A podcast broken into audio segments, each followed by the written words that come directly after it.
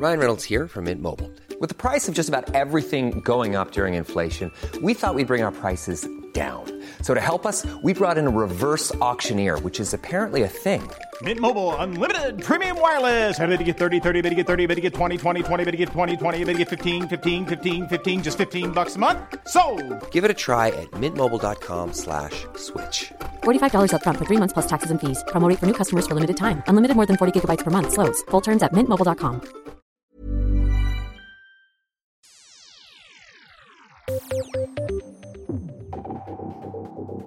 Norske journalister anklages stadig for å være venstrevridde. Og igjen kommer det frem i den store norske medieundersøkelsen presentert ved Nordiske mediedager at journalister står langt lengre til venstre enn befolkningen generelt. Er norsk journalistikk venstrevridd? Rødt-politiker Sofia Rana vil stanse en boklansering på Litteraturhuset i Oslo. Litteraturhuset har leid ut lokaler til en omstridt høyreorientert forlegger som skal gi ut en bok om Fridtjof Nansen fra 1898 på nytt. Rødt-politikeren mener at forleggeren bruker Nansen til å legitimere et ytterliggående syn. Burde Litteraturhuset trekke arrangementet slik Rødt-politikeren foreslår? Allerede før finaleuken hevdes Ukraina å ha vunnet Eurovision Song Contest. Eksperter mener landet kommer til å få en masse sympatistemmer fra nabolandene i Europa. Selv om Eurovision hevder seg som en apolitisk musikkonkurranse, er den stadig tema for hete politiske debatter. Men er det egentlig et problem? Du hører på Etikk og estetikk, presentert av Hedvig Boligforsikring. Podkasten er tilbake i sin tredje sesong og fjerde episode. Produsent er Adrian Eriksen, researcher Peter André Hegg og programleder det er meg, Danby Choi. Vi skal straks introdusere dagens panel, men først noen ord fra våre annonsører. Visste du at Hedvig er 100% digitalt? Med forsikringsappen Hedvig får du empatisk behandling av ditt personlige serviceteam alt ved dine fingertupper. Meld din skade og få saken løst på minutter i Hedvig-appen.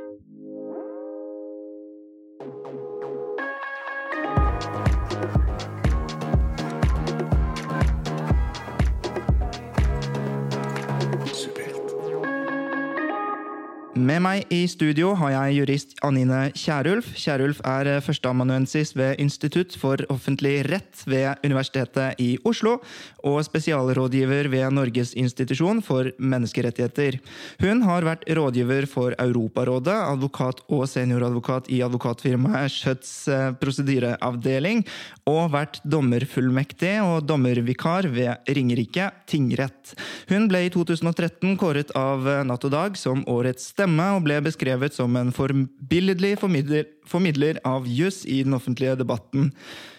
Hun har senere blitt tildelt prisen eh, Norges forskningsråds formidlingspris og Akademikerprisen, begge for hennes engasjement i spørsmål om ytringsfrihet og menneskerettigheter. Senest har Kjerulf ledet et regjeringsoppnevnt utvalg som skal undersøke ytringsfriheten, eller som undersøkte ytringsfriheten i akademia. Velkommen til deg, Anine Kierulf. Tusen takk. Veldig hyggelig å være her. Du er kanskje landets aller fremste på ytringsfrihet. Hvordan startet egentlig denne enorme interessen for denne rettigheten? Ja, Det er et godt spørsmål. Jeg vet ikke om jeg er den fremste. Det er mange flinke folk, heldigvis. Men, men jeg ramlet i denne gryten da jeg var liten advokatfullmektig og jobbet i denne prosedyreavdelingen som du nevnte. For der var det fra gammelt av en sånn medieportefølje. Og vi representerte da mediene når de ble saksøkt, som de av og til ble, for å ha ja, ærekrenket noen eller spredd private opplysninger eller andre ting som det jo ikke er lov å gjøre. Um, og da var det jo ofte å argumentere for ytringsfriheten mot disse andre rettighetene. Da, eller finne en balanse som gikk i våre klienters favør. Og, og, det var på et tidspunkt hvor den europeiske menneskerettighetskonvensjonen, som jo er bindende for Norge, begynte å få innflytelse. Og hvor akkurat ytringsfrihetsjussen ble veldig viktig. da det kom tre saker mot Norge i Strasbourg, hvor Norge ble dømt i alle sammen for ikke å ta godt nok vare på ytringsfriheten.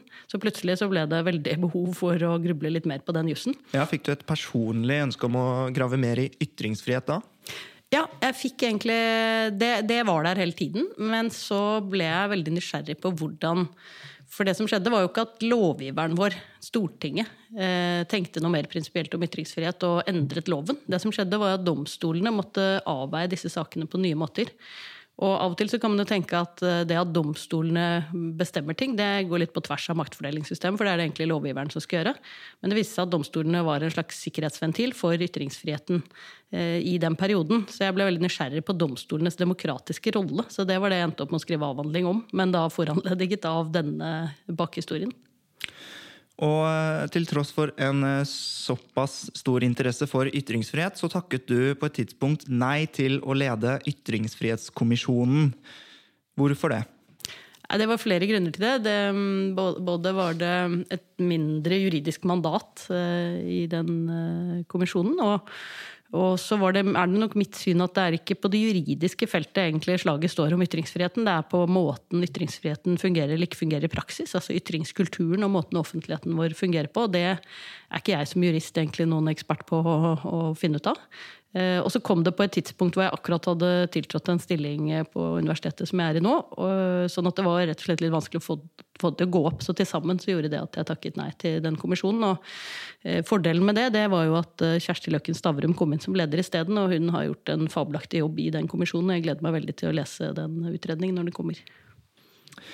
Ved Anine Kierulfs eh, venstre side sitter Farid eh, Shariati. Shariati er tidligere politiker i Miljøpartiet De Grønne, hvor han hadde stillingen som sosialpolitisk talsperson og var kommunestyrerepresentant i Vadsø. Han var også MDGs førstekandidat for eh, Finnmark sist stortingsvalg. Shariati sluttet som yrkespolitiker da han tiltrådte som generalsekretær i rusorganisasjonen Preventio, hvor han nå jobber. Mannen er utdannet barnevernspedagog med fordypning i samisk minoritetsperspektiv fra Universitetet i Tromsø, og har arbeidet med institusjonsarbeid, asylforvaltning, integreringsarbeid, prosjektledelse og forebyggende arbeid, ikke mindre. Shariati har jobbet i ulike felt innenfor det sosiale arbeidet, som med temaer som radikalisering, voldelig ekstremisme, negativ sosial kontroll, tvangsekteskap, kjønnslemlestelse og æresrelatert vold. Han er daglig leder leder, styreleder og eier også ved Kompetanse for veiledning og inkludering AS, hvor han bistår og tilbyr i hovedsak kommuner og fylkeskommuner tjenester innenfor helse- og sosialfaglig sektor. Velkommen til deg, Farid Shariati. Tusen takk. Du, eh, radikalisering, voldelig ekstremisme, negativ sosial kontroll osv. Jeg trodde det bare var folk på høyresiden som brydde seg om disse tingene. Er det, finnes dette problemet? ja, det finnes det. Og det, særlig de siste 14 årene så har jeg jobbet i Finnmark. Eh, og har hatt et nordnorsk perspektiv på de her tingene. Og det overrasker veldig mange når jeg forteller om at liksom, for det første er ikke dette noe fenomen som er forbeholdt eh, hva skal man si, ikke-vestlige innvandrere. Men eh, det er mange som også overraskes når man tar opp statistikk om at liksom, blant de mest lykkede miljøene er kanskje kristne miljøer i dette landet. Og i Finnmark så er det veldig mye tvangsekteskap eller ting som er i gråsona, menneskehandel, eh, som utføres av hvite norske menn, eh, f.eks. det er veldig mange som blir veldig overrasket av det. Så det er, det er fenomener som, som berører oss alle, og som er høyaktuelle norske fenomen. Du, eh, du, har mange hatter på deg. Hvordan klarer du å håndtere å være både MDG-politiker, narkolobbyist og, til, og, tilby sosiale tjenester til kommuner samtidig? Nei, men eh, jeg, jeg håndterer vel nå ved å ikke være alt det lenger. Eh, nei, ok, ok. Godt håndtert. så, nei, men tidligere så har det vært veldig tydelig på å vite hvilken rolle man har. Eh, hvilke forventninger som er til de rollene. Eh, og være tydelig på å ikke blande de ansvarsområdene om av og til overlapper. Så, men hva er det du ikke er nå lenger? Altså, Nå er jeg ikke politiker lenger. Jeg, er en, jeg vil si at jeg er lobbyist. Jeg har ikke aldri vært en narkolobbyist. Jeg vil heller kalle meg for menneskerettighetslobbyist. Eh, men eh, men polit, jeg driver med, med, politikk, men ikke med partipolitikk lenger. Ja, for Hva er det Preventio står for? Preventio vi er en paraplyorganisasjon i sivilt samfunn. En av to uh, paraplyer på, i sivilt samfunn. Og så uh, finnes det et tredje paraply også, um, som representerer både offentlige og sivile. Og der, der, der det andre paraplyen aktivt kanskje samler de konservative kreftene, så samler vel Prevensio de progressive organisasjonene, som har rus hovedsakelig som sitt nedslagsfelt. Men uh, hva er da Jeg bruker å stille spørsmål. Hva er rus? Snakker vi om justis? Snakker vi om sosial? Snakker vi om helse? Uh, det er jo et felt blant mange felt. Uh, så våre medlemsorganisasjoner jobber jo også i tilløpende felt. Og jeg mener også det er viktig at man setter rus og den slags ting i en større sosial kontekst for å skikkelig forstå det. Jeg forstår. Og vi skal sette flere ting i større kontekst for å forstå det her også. Vi skal over på første tema. Heter Sofie Elise, og du hører på Etikk og estetikk, en podkast fra Subjekt.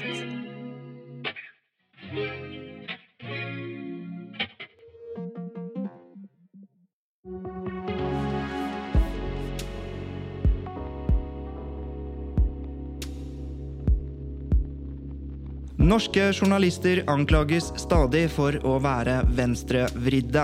Og igjen kommer det frem i den store norske medieundersøkelsen presentert ved Nordiske mediedager at uh, journalister står langt lengre til venstre enn befolkningen generelt.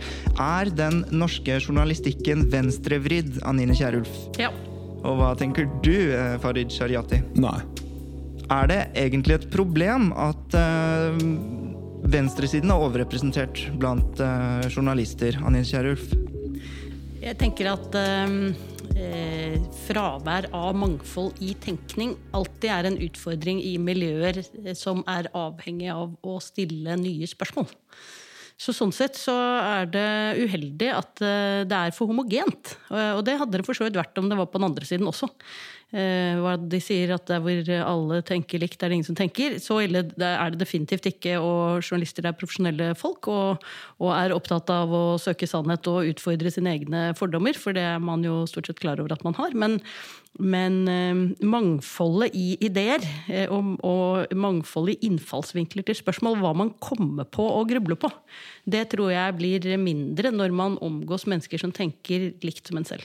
Vi kan jo legge til eh, statistikk, i alle fall litt. Og det viser seg altså at 42,3 av journalistene ville gitt Rødt, SV og MDG et uh, flertall, mens i Norge generelt er dette marginale partier.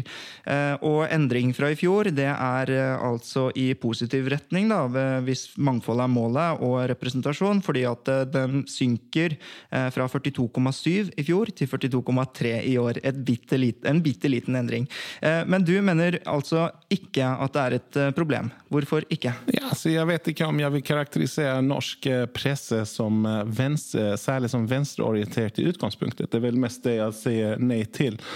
Om spørsmålet hadde vært er norsk presse veldig homogent, så ville jeg gitt et rungende ja. Eh, I likhet med hvordan norsk næringsliv er homogent, hvordan norsk politikk er homogent, hvordan beslutningskjeder generelt, eh, høyere opp man kommer i hierarkiet, eller yrker der man har høy definisjonsmakt, eh, er homogena. Altså hvordan skal vi måla om, om det er heterogent sammensatt? Vi kan måla det f.eks. på andra måter enn politiske meninger. Man kan måla det i form av etnicitet, man kan måla det i form av funktionsnivå, eh, kjønn så Eh, og der ser vi at de, de, to största minoritetsgrupperna i samfunnet er generellt oftast de som er fraværende når man skal sjekke mångfald og sånt. Och jeg tror at det hadde vært, mer, vært med å bidra til et mer spennende, sammensatt journalistisk eh, Hva skal man si eh, preg da, og journalistisk håndverk i, i Norge. Jeg syns at generelt så er vel kanskje ikke norske medier så veldig Det er ikke hvilken side de tilhører. Det er vel mer eh, Jeg skulle etterlyse egentlig mer litt sånn kritiske spørsmål fra journalistene. Ja, og kritiske spørsmål Anine Kjærulf. kan ikke det egentlig være helt sånn uavhengig av hvor man selv står eh, politisk? Er ikke journalistikk egentlig en en eh, profesjon hvor det handler om å klare å stille spørsmål fra begge sider. Er det så viktig hvor de selv står, og hva de selv stemmer? Nei, det var derfor jeg innledet med å si at jeg, jeg tenker ikke at eh, hovedproblemet er at de er på den ene eller den andre siden. Jeg tenker at hovedproblemet er at de tenker for likt.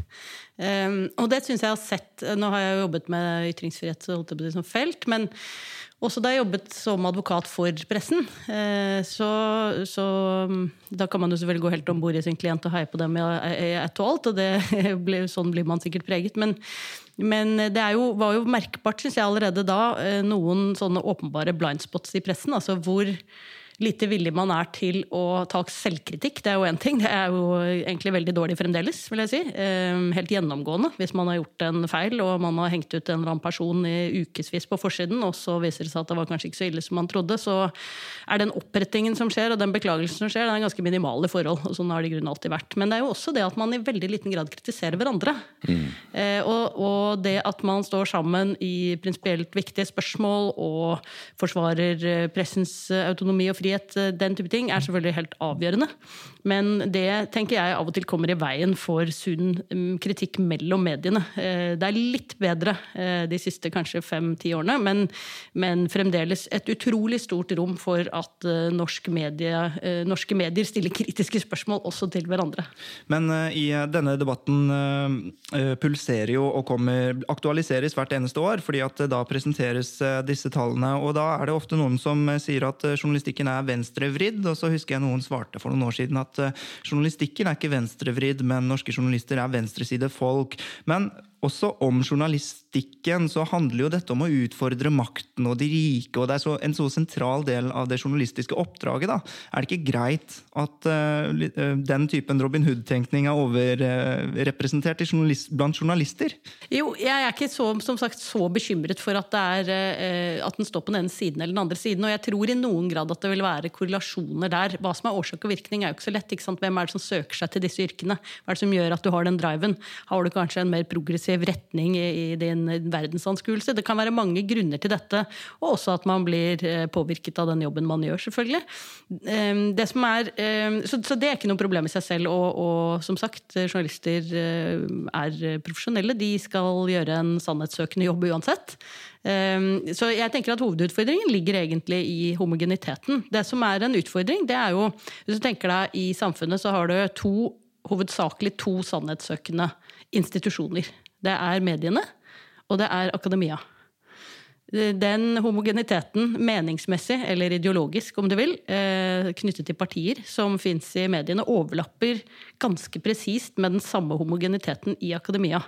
Det Våre to sannhetssøkende institusjoner er preget av den samme ensrettingen. Det er en betydelig utfordring, og vanskelig egentlig helt å forstå at det har vært så lite altså Det er jo fokus på dette hvert år, som du sier, men, men at um, likevel at det blir så lite lite diskutert, fordi Jeg føler det er Kristin Clemet alene som driver og drar opp den tematikken. Ja, og den kommer, Da kommer det liksom veldig fra den ene siden, så det blir ikke alltid Jeg vet ikke om det liksom alltid har den virkningen det, man kunne ønske at det hadde, men, men jeg bare, bare tenkte jeg skulle, skulle, si om det, at, at den, det overlappet der i de to sannhetssøkende institusjonene, det tenker jeg er en betydelig utfordring, for de bør jo definitivt selvfølgelig hjelpe hverandre med å få, få frem sannhetssøkende eh, fremgangsmåter, men også eh, være kritiske til hverandre på en god måte. Altså, jeg syns mye av det Anina sier, er, er verdt å stille seg bak. Um, vil ikke, det er vel vanskelig å si hva som er hovedutfordringen, men jeg vil peke på et, til, et par ting som er veldig utfordrende. Um, det ene er jo Jeg skulle ønske egentlig at, at journalister eh, generelt over hele landet var litt mer bevisst av sin rolle og var litt mer kritiske, ikke nødvendigvis først og fremst til hverandre, men myndighetsfolk. Eh, jeg synes at en av, en av, de tingene som man kan reflektere mye mer over, er hva skjer når vi har altfor høy ukritisk tillit til myndighetene. Eh, en del av de feltene som vi jobber i, i Prevensio, og hva medlemsorganisasjoner gjør, så ser vi, og sett særlig de siste tolv månedene, så er det avdekket ganske mye eh, ja, hva skal man si, misbruk av posisjoner, lovovertredelser, av og til straffbare handlinger osv. Og, og vondt verre. Det pågår jo to stykker en granskning av dette, av politietaten i seg sjøl. Eh, mye av dette skyldes nok at og veldig mange uttrykker en viss sånn frustrasjon overfor media, som nok egentlig er en frustrasjon som handler om at man skulle ønske at eh, media ikke bare var en, ett, en mikrofonstativ då för, för, eh, för myndighetsfolk. Att det är legitimt att ställa några kritiska spörsmål om narrativet som presenteras fra offentligheten. At det är gitt at det de presenterar är sant eller at det har samme forankring i, i, i publikum som man vil late som at det gjør. Det andre som jeg tror er viktig at man også ser over når man skal kritisere media i den grad, det er å se hva er de faktiske rammebetingelsene for en journalist i dag. Jeg tror veldig mange overvurderer Eh, tid, sånn, hur mycket tid en journalist har att jobba. Men också eh, vilket, eh, sånn, vilken fri, fritt vilt man kan vara som journalist. Eh, man har inte fast jobb, eh, man är avhängig av och sånn, frilansuppdrag eh, och så vidare. Och, och mm, snackar man med journalister som har gjort en del gravarbete så vill de ju se att det inte alltid är så enkelt att stå i stormen. det är rätt och slett uttryckt, särskilt om du graver i, i, i lite betenta ting. Men hur menar du det är relevant for at uh, venstresiden er overrepresentert blant journalister? Ja, altså ja, Igjen så vil jeg ikke Jeg, vil ikke, jeg vet ikke om jeg er enig i det premisset, Nei. men i den grad man er, man, man, men, man er, kritisk til journalisters håndverk og mener at de gjør et litt sånn enkelt arbeid, så tror jeg det er viktig at man har i mente nettopp de her eh, rammene rundt eh, deras arbetsvärdag också. Att det er kanskje ikke rom for oss som journalist å vara altfor kritisk eller gå altfor langt utenfor de etablerte rammene. E24-redaktør og tidligere Høyre-statsråd, eh, riktignok, eh, Torbjørn Røe Isaksen, reagerer på Aftenpostens portrettintervju med Pål Steigan, som de presenterte for eh, jeg tror det var forrige helg. Um, og da sier han han spør seg om eh, dette noensinne kunne blitt presentert med en tilsvarende ytterliggående aktør på høyresiden. Um, et såkalt koseprat, kaller man det. Hadde man tillatt det, eller er det fordi at vi er venstrelente i pressen at man tillater et koseintervju med Pål Steigan, men ikke med Helge Lurås f.eks. Jeg tror i hvert fall reaksjonen hadde vært helt annerledes på et koseintervju med Helge eh, Lurås enn det var altså Jeg hadde stor sjanse for det, det intervjuet med, med, Steigan, men jeg satt jo og tenkte på akkurat det Torbjørn Røe Isaksen fremhevet der. Hvordan ville dette sett ut? Litt sånn slentrende morsomt. Du vet de der gode portrettintervjuerne som får frem det bildet du får sånn Du ser denne personen på en Men, men å, det var jo ikke noe liksom eh, Man skjødde jo ikke tilbake for å peke på noen av disse problematiske sidene i hans fortid. og nåtid, for så vidt. Men, men den type koseintervjuer med eh, dubiøse mennesker på høyresiden ville du jo ikke hatt. Og, og, den offentlige eh, reaksjonen ville jo vært en helt annen. Det er jo åpenbart. Jeg vet ikke om jeg er helt enig. Eh, fordi en ting som jeg kjenner igjen ganske ofte, er at eh, ja, hva skal man si, ytterliggående krefter på høyresiden da, de er veldig dyktige på å få oppmerksomhet ved å påberope seg at de ikke får noen oppmerksomhet i det hele tatt. Uh, att I utgangspunktet så er det ju ett väldigt smalt uh, nålöje att passera för att komma på sånne här typer flator. Bara det å bli intervjuad. Uh, de aller fleste som ikke passerer det nålöjet er jo ikke blitt knäbblade av media. Det er bare sånn det funkar. Det er trangt på toppen.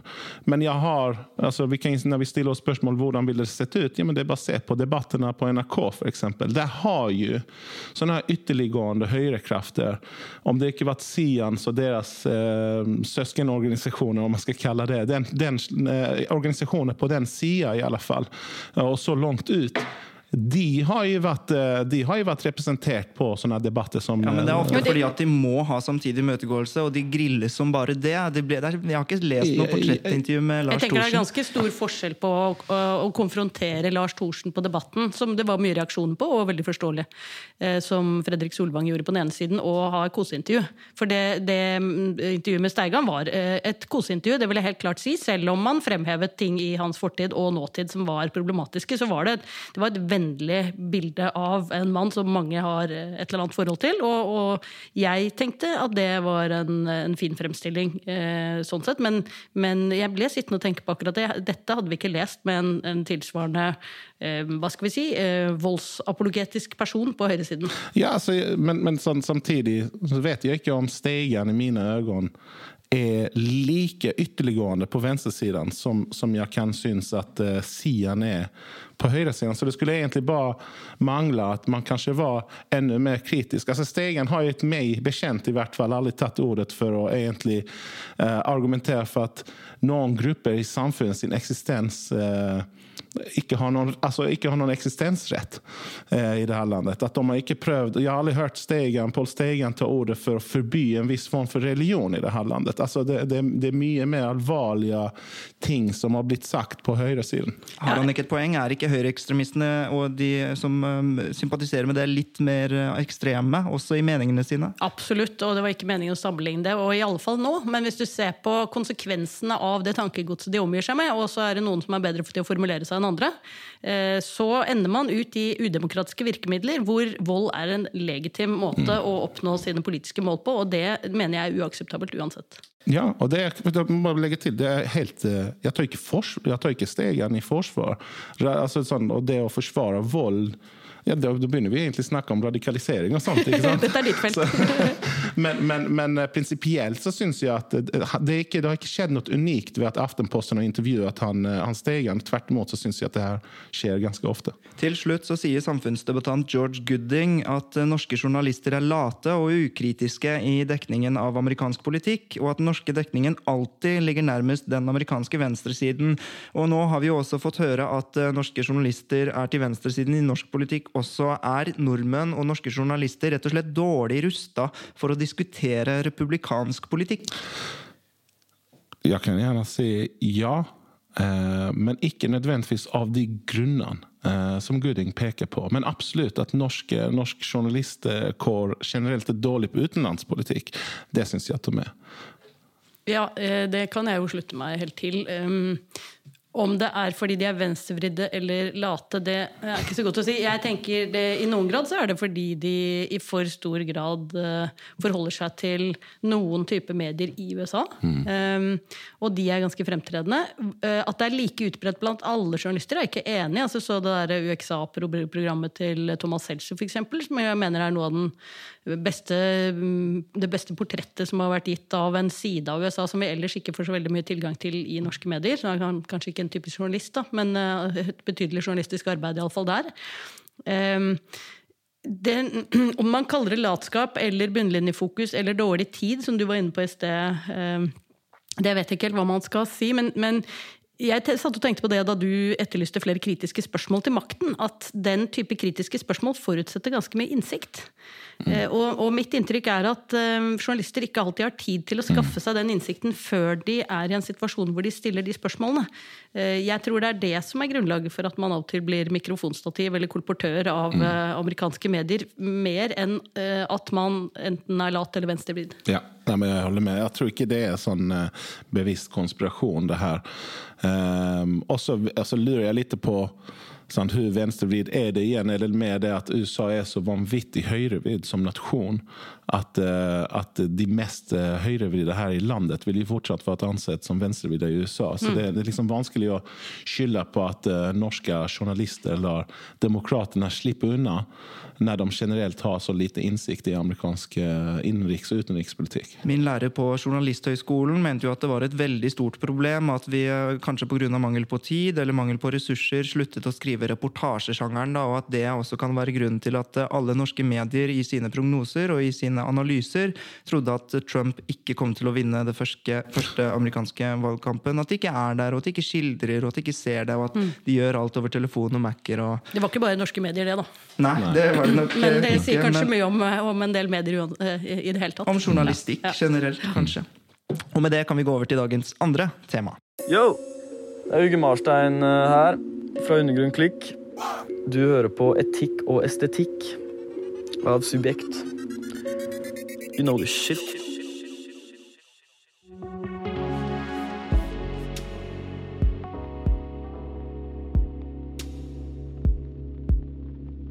Rødt-politiker Sofia Rana vil stanse en boklansering på Litteraturhuset i Oslo. Litteraturhuset har leid ut lokaler til en omstridt høyreorientert eh, forlegger som skal gi ut en bok om Fridtjof Nansen fra 1898 på nytt. Rødt-politikeren mener at forleggeren bruker Nansen til å legitimere et ytterliggående syn. Burde Litteraturhuset trekke arrangementet slik Rødt-politikeren foreslår, Shariati? Nei. Hva tenker du, Kjærulf? Nei. hadde tatt seg ut. Men hvorfor ikke? Han er jo en høyreekstremist, Ja. Shariati. Altså, for det første så, så tenker jeg at det er ingen mot, altså, en motsigelse mellom det hun Sofie Rana påstår om at det er en legitimering ved å gi dem denne här plattformen og så videre og så vidare och at det- er en mulighet for de eh, høyreekstreme kreftene å att på en måte organisere seg og samkjøre seg. Alt det kan stämma samtidigt som man kan konstatera at det likevel bør være rom for litteraturhuset til å velge hvilken profil de skal ha, rett og slett. Og så er det sånn samfunnet funker at eh, vi, vi andre i publikum har en mulighet til å velge Litteraturhuset som en, en formidlingsarena utifrån deres profil, eller at vi velger bort den utifrån den, den valgte profilen. Ehm, så jeg tenker, og så tenker jeg at mange ganger så må man også huske på at bare for at Sofie Rana mener dette, betyr ikke at det er. Ikke sant? Hun kan gjerne ta ordet for det uten at man, man trenger å glemme at hun har vedtaks, egen vedtaksmyndighet. Men der har jeg en ehm, innvending, fordi at eh, Sofia Rana sitter altså i Oslo bystyre. Og hun forklarer seg med at dette er ikke sensur, men det begynner jo å bli farlig nærme sensur, fordi at hun tross alt sitter i Oslo bystyre, om ikke bare ar mangel på armlengdes avstand-prinsipp, fordi Litteraturhuset også eh, får støtte fra Oslo kommune. Men jeg, jeg kan si sånn her, ja, jeg mener at man, man har prinsipper, og de bør man ri hele veien. Jeg syns at det blir like galt å forby Litteraturhuset som det ville bli å forby, eller som boikotta Parkhuset. Uh, var ikke de tilknyttet det Steigan eller noe sånt? Parkteatret. Parkteatret, ja. Riktig. Tack for, for, korrigeringen. Som jeg syns det blir galt å sensurere og forby uh, Russia Today. Eh, alltså ska man ha principer så bør man ri dem och man bör ri dem hela veien. Och man bör ri dem också när de er vanskelige for en själv också. Jag har aldrig tänkt å delta i et intervju for Dokument.no. Jeg syns at det er en sida som står for veldig mye hat i samfunnet og de har vært med og radikalisert veldig mange mennesker også. Jeg har aldri tatt ordet for å forby disse sidene heller. Det er en del av utfordringen ved å leve i et demokrati. Men jeg har samtidig også trua på at demokratiet er såpass solid og robust at vi tåler nettopp å utfordres på denne måten. Ja, eh, Sofia Rana, Man kan jo også se på det som en kritikk. Ja, jeg tenker av det. Og, og hun har selvfølgelig ytringsfrihet til å si det. Mm. Tatt til orde for dette. Eh, eh, Ytringsfriheten er jo ikke bare begrunnet i at folk skal få lov å si det de mener. Det er jo også begrunnet i at vi andre skal få lov å høre eh, hva folk står for. Slik at vi kan være enige eller uenige. Eh, og det at eh, politikere eksponerer sitt syn på ytringsfriheten på denne måten, tenker jeg er et udelt gode. Eh, slik at vi kan vurdere dem ut fra vårt eget syn på ytringsfriheten, om det er politikere vi har lyst til å stemme på. Ja, jeg vet ikke om jeg er helt enig, og jeg må jo også overfor våre lesere si at jeg har ofte, ofte meninger om disse temaene som vi snakker om, og det er jo kanskje greit å si, men jeg skal prøve å stille kritiske spørsmål i begge retninger. Men jeg, udelt gode, hvordan kan du si det når hun tross alt sitter i bystyret, og tross alt Ja. Ja, hvis det, hvis det innvirker på bevilgninger og den type ting, så får man jo ta den diskusjonen når den oppstår. Det at eh, vi vet mer om hva våre politikere står for, det tenker jeg alltid er en god ting. Og, og den eksponeringssiden av eh, ytringsfriheten eh, tenker jeg av og til er undervurdert. Jeg syns det er en, en stor styrke å få vite mer om hva folk står for, slik at vi står bedre rustet til å vurdere dem. Men for å gå tilbake til selve spørsmålet, nemlig burde Litteraturhuset nektet dette. Eh, jeg tenker Det er ganske viktig å, å, å, å ha to ting klart for seg. Det ene er at man må skille mellom type arrangement og hvem som arrangerer. Eh, hvis eh, denne type høyre, radikale høyreekstreme, jeg vet ikke hva slags mennesker dette er, eh, hadde hatt et arrangement for den hvite rases overlegenhet, eh, så hadde det vært noe annet. Det de gjør, er å relansere en bok av Nansen. Og så kan hende at de bruker det til sitt formål. Det å bruke ideer til sitt formål, og det å, å reprodusere ideer som kan lede noen til å tenke noe dumt, eh, det er jo ikke i seg selv et, eh, en, en utfordring som man kan løse ved å stoppe den. Det er jo en grunn til at vi har et forbud mot forhåndssensur. Så den ene siden. Er arrangementet innenfor det et litteraturhus har som formål å drive med, ja, da man stiller man i utgangspunktet på samme linje. Uansett om arrangørene eh, måtte være noe å klandre for, på andre måter. Um, den andre siden er jo, hvis vi så på dette uh, Hvordan ville altså, Denne legitimeringstanken, da. Blir de legitimert av å få lov til å kjøpe seg inn på et litteraturhus og arrangere dette opplegget sitt? Um, altså Blir de legitimert av å stå på Eidsvolls plass og få lov til å demonstrere for akkurat det samme? I, I, så fall så er ytringsfriheten grunnlaget for eh, legitimering i samfunnet. Jeg tenker at Det er en veldig vanskelig måte å nærme seg ja, menneskers ikke, ytringsfrihet på. Er det ikke litt på? forskjellig ettersom Den Eidsvoll plass er veldig sånn symbolsk plass hvor man skal få markere seg og demonstrere mot myndigheter og alt mulig annet? Det må, måtte jo være, må jo være mye viktigere det enn et, et skarve litteraturhus. Ja, ja. Altså Her har du politiet står, ringe, står mannsterke rundt og passer på at du får lov å ytre disse kontroversielle synene, men et litteraturhus det skal ikke gjøre det, for da blir du legitimert. Jeg tenker Samfunnet vårt legitimerer alle disse synene ved å eh, tillate dem.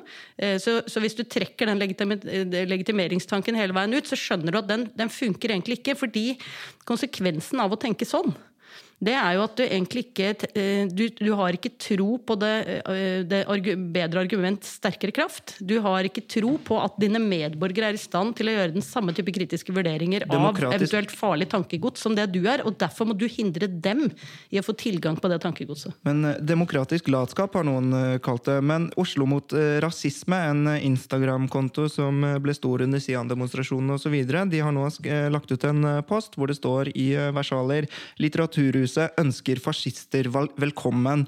Og jeg har jo litt lyst til å tenke at Litteraturhuset har jo også sine egne De kuraterer jo sitt eget program.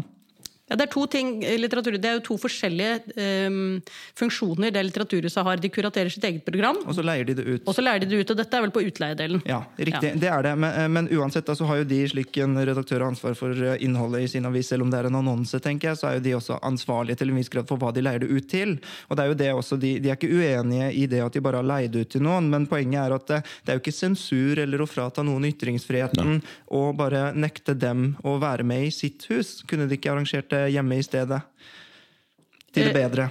Jo, eh, og hvis man skal eh, ha den type skiller, så kunne man jo tenke seg f.eks. at litt avhengig av hvor du sto i debatten om kurderne, da, så nektet du dem Eh, å ha innlegg hvis du, hvis du, mente at eh, de tok feil. Eller, altså I alle sånne typer debatter så vil du kunne komme opp i den situasjonen at du legitimerer et eller annet syn du ikke nødvendigvis selv er enig i eller står for.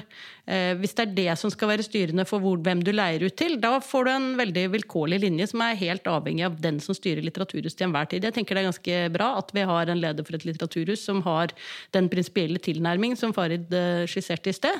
At det er ikke likes og dislikes som avgjør hvem som får lov å være på et litteraturhus. Det er i utgangspunktet norsk lov. Hvis man fremsetter ulovlige ytringer, så er det en sak for politiet etterpå. Eh, og hvis man driver med ting som ligger helt utenfor det et litteraturhus skal drive med, så kan man nekte det på det grunnlaget. Jeg tenker at øh... det blir litt sånn kjedelig, for egentlig er vi enige. Jeg beklager det, altså. Så, så, så, så nå skal jeg bare gjøre et forsøk på å være litt uenig. Speise litt ting opp.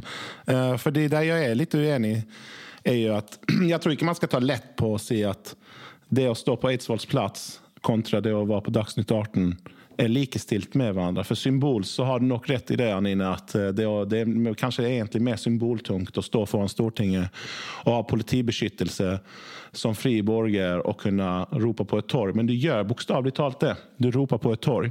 Eh, og det er klart at når du roper i en studio eh, eller på en scene eller har en mikrofon så gjør det noe med eh, det du skal formidle. Eh, det gjør noe med inntrykket, og det, det, er der legitimiteten kommer inn. At jeg tror at trots for at det kanskje er mer symboltungt å stå på, på et torg som, eh, som, vi assosierer med demokratiet og rettsstaten og, så og alt hva det er, så er det det at, det at Litteraturhuset f.eks. Eh, tilbyr en plattform for folk eh, å samle seg er, er, er nokså tungt, det også. Så i spørsmålet skal de ikke kunne gjøre det? Jo, det er akkurat det. Og jeg tenker at den debatten som er nå, det med at uh, organisasjonen mot rasisme, eller Oslo mot rasisme, deler en sånn kampanjebilde der de på en måte attribuerer noen holdninger til uh, Litteraturhuset om hvem de ønsker, og ønsker velkommen til, til seg. Kanskje er litt sånn stråmannsargument. Er det ikke litt unfair Men det, er, men det er samtidig dette som er Men man må ikke heller komme dit hen eh, at de at, For nå syns jeg at vi har kommet dit hen i debatten at vi anklager noen for å være hårsåra. Oftest folk fra venstresiden. At de vil kansellere, at de ikke vil gi noen plattform osv. Men samtidig så kommer disse anklagelsene oftest for folk som i sin tur også har blitt veldig krenkende for at de blir møtt med kritikk. Det er det som skjer her. Litteraturhuset står fritt til å velge hvilken profil de skal ha. Eh, de har valgt den profilen de har gjort, og begrunnet det. De møter da denne kritikken, og det må man også tåle i sin tur. Man kan ikke holde på å være krenket ene sekundet og sen anklage andre for å være krenket andre sekundet. Man må ri prinsippene hele veien. Ja, jeg er ikke sånn veldig tilhenger av å være prinsipprytter, men akkurat det der er jeg helt enig i. For det, den der sutringen over å være kansellert, den kommer veldig fort bare noen egentlig argumenterer mot deg. Mm. Og hvis de argumenterer mot deg med, med argumenter du selv syns er dumme og usaklige, så blir du lei deg og føler deg kansellert. Det funker jo ikke, ikke sant. Mm. Eh, Det er jo bare at noen bruker ytringsfriheten sin, og så gjør de kanskje det på en usaklig måte. Da. Ja, så får vi ta stilling til hva vi syns om dem fordi de gjør det. Men bare tilbake til den distinksjonen din, for jeg, jeg er helt enig i det eh, når det gjelder å være på Dagsnytt 18 eller sånne steder. Da Altså jeg følger ikke den legitim legitimeringstanken, men det er klart at da er det gjort en redaksjonell vurdering for å løfte frem et eller annet som eh, ellers ikke ville blitt løftet frem. Men jeg tenker du kan Det ligger eh, Dette Eidsvolls plass-eksempelet, det ligger egentlig jeg tror det er symboltungt, som du sier, men det er også i det offentlige rom, som er vårt, vår alles, vårt alles rom. Et, eh, et utleid rom på Litteraturhuset er ikke vårt alles rom. Vi trenger ikke å være der. De kan få lov å være der og holde på med det selv. Det plager ikke oss hvis vi bare unngår det. Mens det at ting er, skjer i offentligheten, det er jo noe vi faktisk må forholde oss til. Så for meg så er det mye mindre problematisk at denne type stemmer slipper til på et litteraturhus i et leid lokale med de gjestene som ønsker å høre på dem, versus at eh, denne type tankegods får den andre plassen. Så jeg skjønner ikke helt hvorfor man reagerer så sterkt på at Litteraturhuset gjør dette.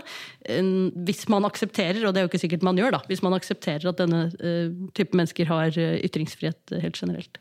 Ja, altså, og, og til tross for at jeg innleder med å si at jeg er uenig med Sofie Rana om at de ikke skal få lov å, å, å få leid Litteraturhuset sin eh, scene, så må jeg enda gi henne litt ros midt i alt dette også. Altså, jeg synes at jeg, jeg er helt enig med Anine. Det er veldig positivt at vi har politikere som har kjent hva de står for. Og i dette tilfellet så har Sofie Rana egentlig gjort kjent et standpunkt som hun ofte har gjort kjent fra før av. Hun er konsekvent i det minste på det her, og det syns jeg er veldig positivt.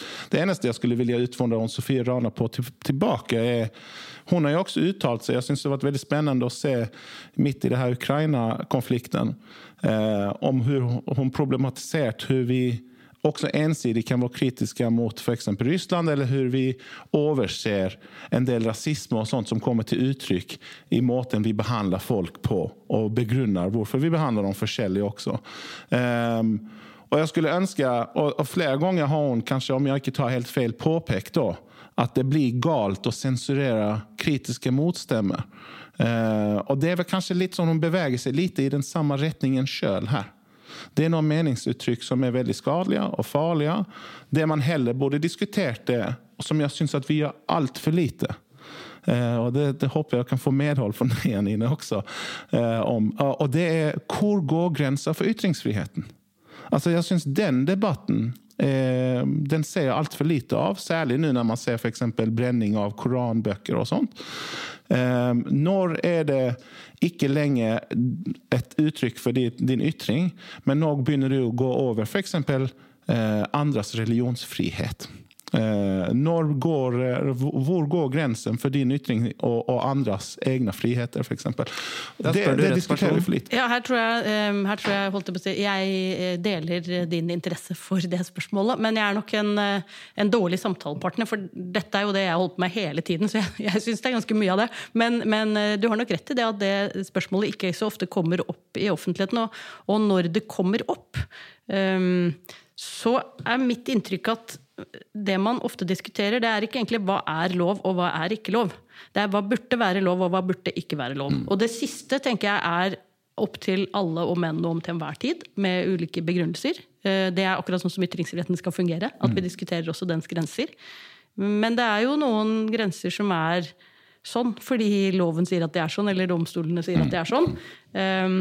Jeg opplever av og til at det å forklare hvordan retten er, det blir vurdert som om jeg forklarer hvordan jeg mener at retten burde være. Det syns jeg kan være litt ubehagelig i dette feltet. Til slutt er det ingen som eh, frykter en eh, såkalt chilling-effekt, en nedkjølingseffekt av at Ok, For å starte med et eksempel, så viste en eh, svensk rapport at uh, svenske kunstnere uh, 50% av svenske kunstnere tilpasser søknadene sine og sin kunstneriske, sitt kunstneriske virke for å få offentlig støtte. Og uh, Litteraturhuset ser jo nå her et bystyre som engasjerer seg i spørsmålet, og som signaliserer at de, eh, de ikke burde invitert inn denne stemmen helt tydelig. Um, Frykter dere ikke at dette kan spre seg også til altså Både medier og kulturinstitusjoner er jo avhengig av folks og politikeres velsignelse i å invitere ulike stemmer. Er det ikke dumt at en person med følgere og politisk status eh, mener dette? Jo, det, det, jeg skjønner resonnementet ditt. Jeg tenker ikke det. Det er én politiker i et bystyre. Um, hvis man ikke har um, integritet nok som leder av et litteraturhus for hvem ytringsfriheten er helt sentral, til å gjøre det man mener er riktig, selv om man er avhengig av offentlige penger, så bør man ikke lede et litteraturhus. Altså, man må jo også, som jeg sa, skille mellom eh, Sofie Rana sine meninger, som hun gir uttrykk for, eh, hennes posisjon i samfunnet, og det faktum at hun har ikke levert inn noe faktisk forslag om å forby eller sensurere noen her. Hun har gitt uttrykk for hva hun mener. Prinsipielt hun har startet en debatt. Jeg syns det er kjempebra. Jeg syns det var mye mer alvorlig når Erna Solberg som statsminister gikk så hardt ut mot Black Box-teatret, f.eks. Mm. Men det er akkurat samme eksempel, bare politisk. Ja, Det er- og- det er litt forskjell på å være og- og- statsminister og ja, det, det, det, det, byrådspolitiker, det er faktisk og, det, det er det jeg mener. Sant? Man må, Sofie Rana er, med all respekt, en bystyrerepresentant. Eh, hun er vara til Stortinget, som jeg, som jeg tror også. Men, men, men det er ikke sånn at når Sofie Rana har sagt dette, så er det sant? Det er en politiker som, som spør hva skal vi egentlig debattere her. Og det her er altså grupper som vi bruker eh, demokratiet til å underbygge demokratiet. Jeg syns det er verdt å diskutere liksom sånn, er vi naive og så videre eh, demokratisk her, eh, eller, eller gjør vi oss sjøl en bjørnetjeneste? Eh, men men vi, jeg syns ikke vi skal gjøre det så mye verre enn hva det er heller. Liksom. Det krisemaksimerer av og til, syns jeg. Og med det går vi over til dagens siste tema. Visste du at Hedvig er 100% digitalt? Med forsikringsappen Hedvig får du empatisk behandling av ditt personlige serviceteam. Alt ved dine fingertupper. Meld din skade og få saken løst på minutter i Hedvig-appen.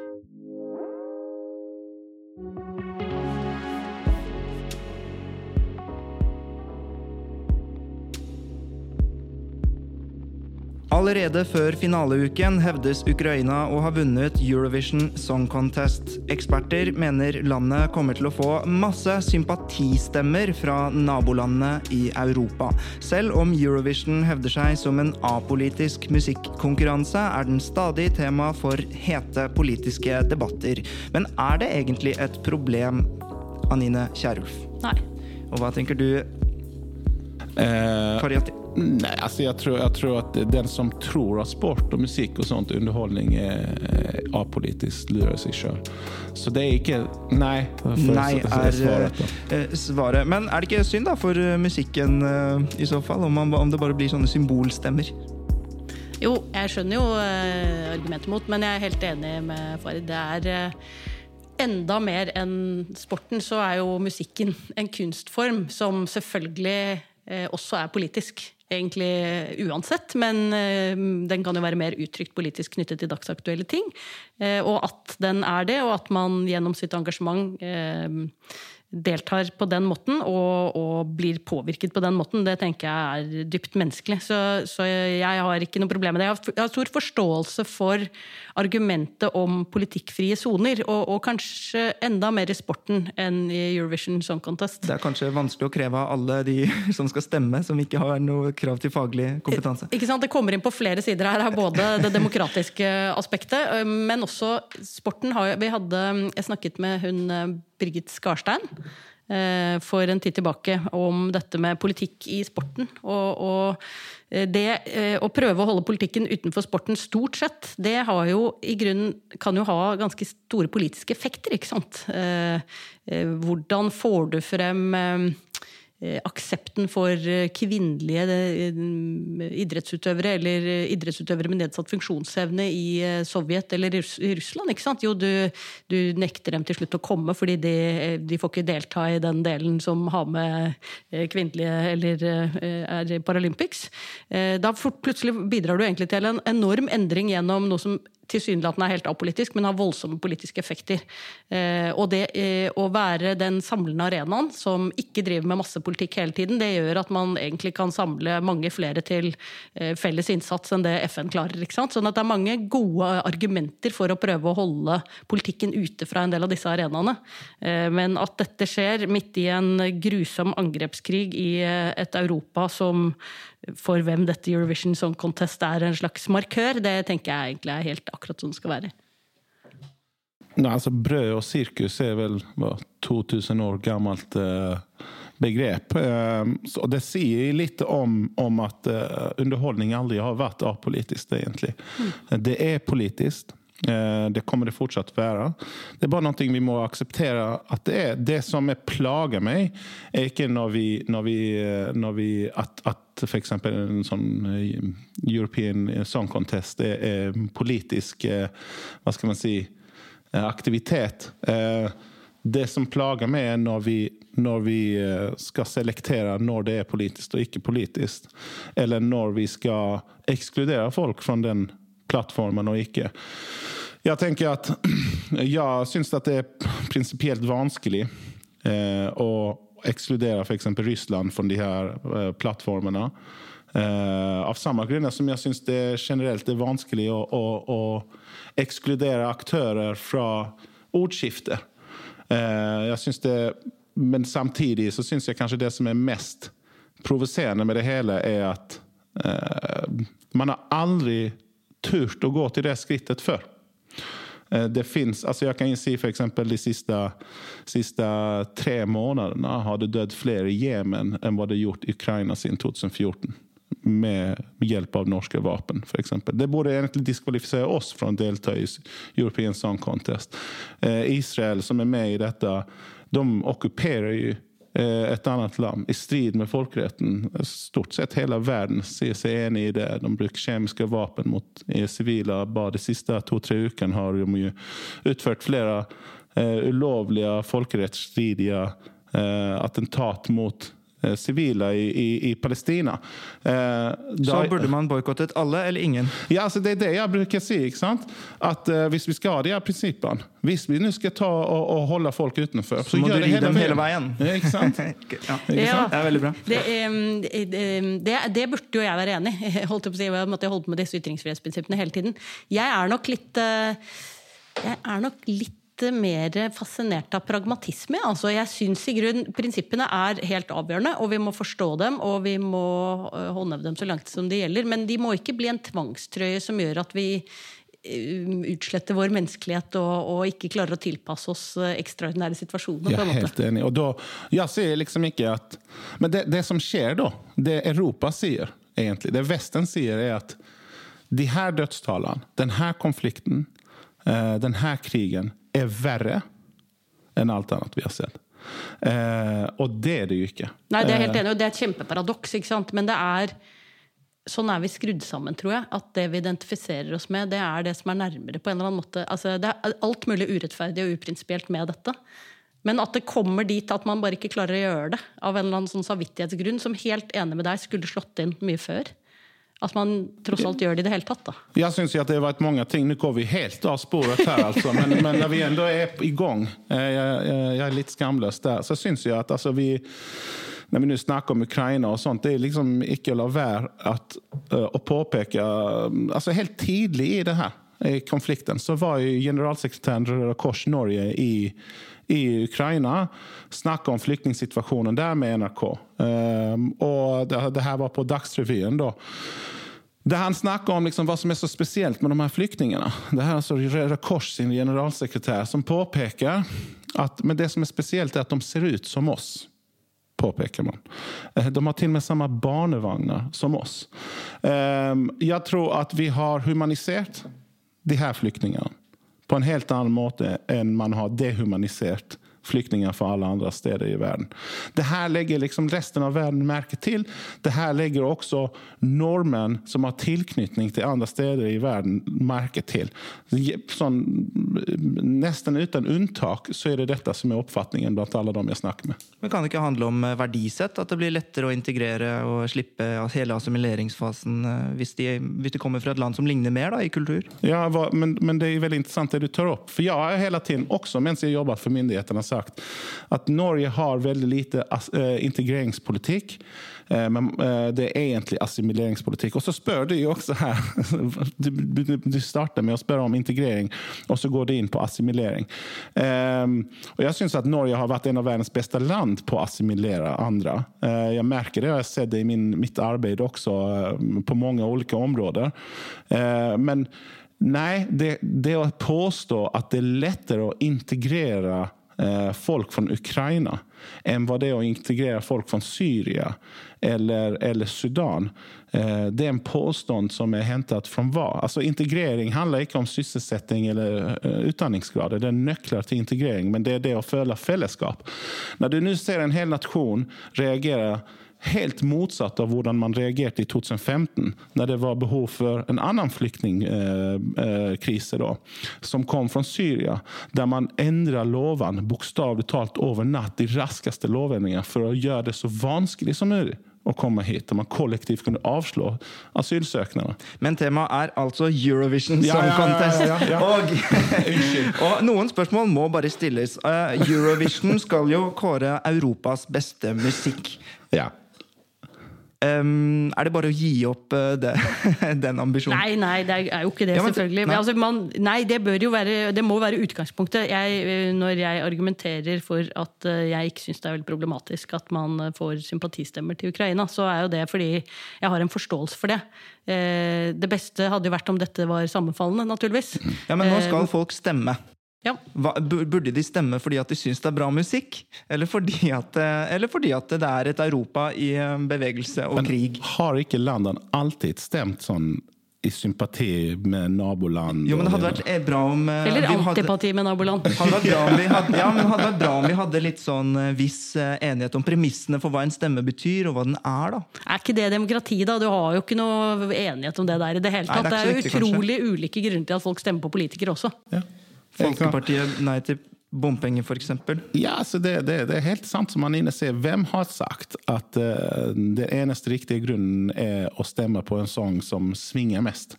Altså, du, kan, du kan jo stemme for at det er fra det korrekte landet, eksempel, eller for at de har de peneste statistene, eller hva det skulle være. Liksom. Fins ingen fasit for hvordan du skal stemme. Hvis du er, uh, hvis du er ulvetilhenger, f.eks., Ja. Kan du stemme på ulver. Hva kommer dere til å legge i deres stemmer, da? Hva vektlegger du mest? Eh, Jeg tror nok at jeg hadde, hvis, hvis det hadde vært opp til meg, dette her, så tror jeg jeg hadde prøvd å stemme på den musikken jeg likte best. ja. Ja, og ja, ja, derfor ser jeg ikke på Melodi Grand Prix altså, i det hele tatt. Du hørte hvor distansert mitt svar var. Det ble på et veldig sånn prinsipielt abstrakt plan. Jeg er heller ikke så Jeg har outsourcet dette til folk på jobben som er veldig opptatt av det.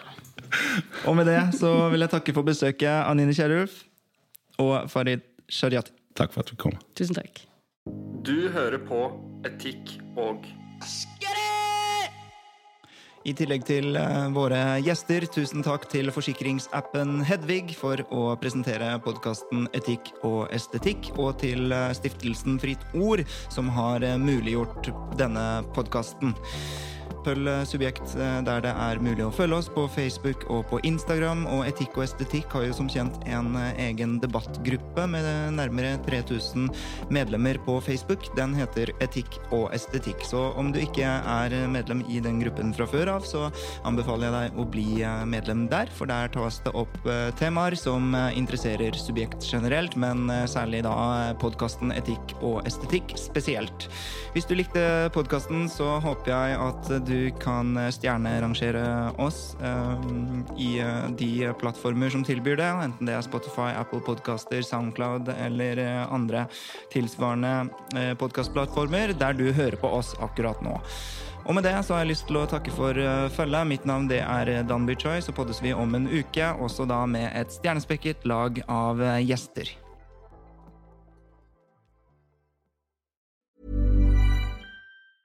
Even when we're on a budget, we still deserve nice things. Quince is a place to scoop up stunning high-end goods for 50 to 80% less than similar brands. They have buttery soft cashmere sweaters starting at $50, luxurious Italian leather bags, and so much more. Plus, Quince only works with factories that use safe, ethical, and responsible manufacturing. Get the high-end goods you'll love without the high price tag with Quince. Go to quince.com/style for free shipping and 365-day returns.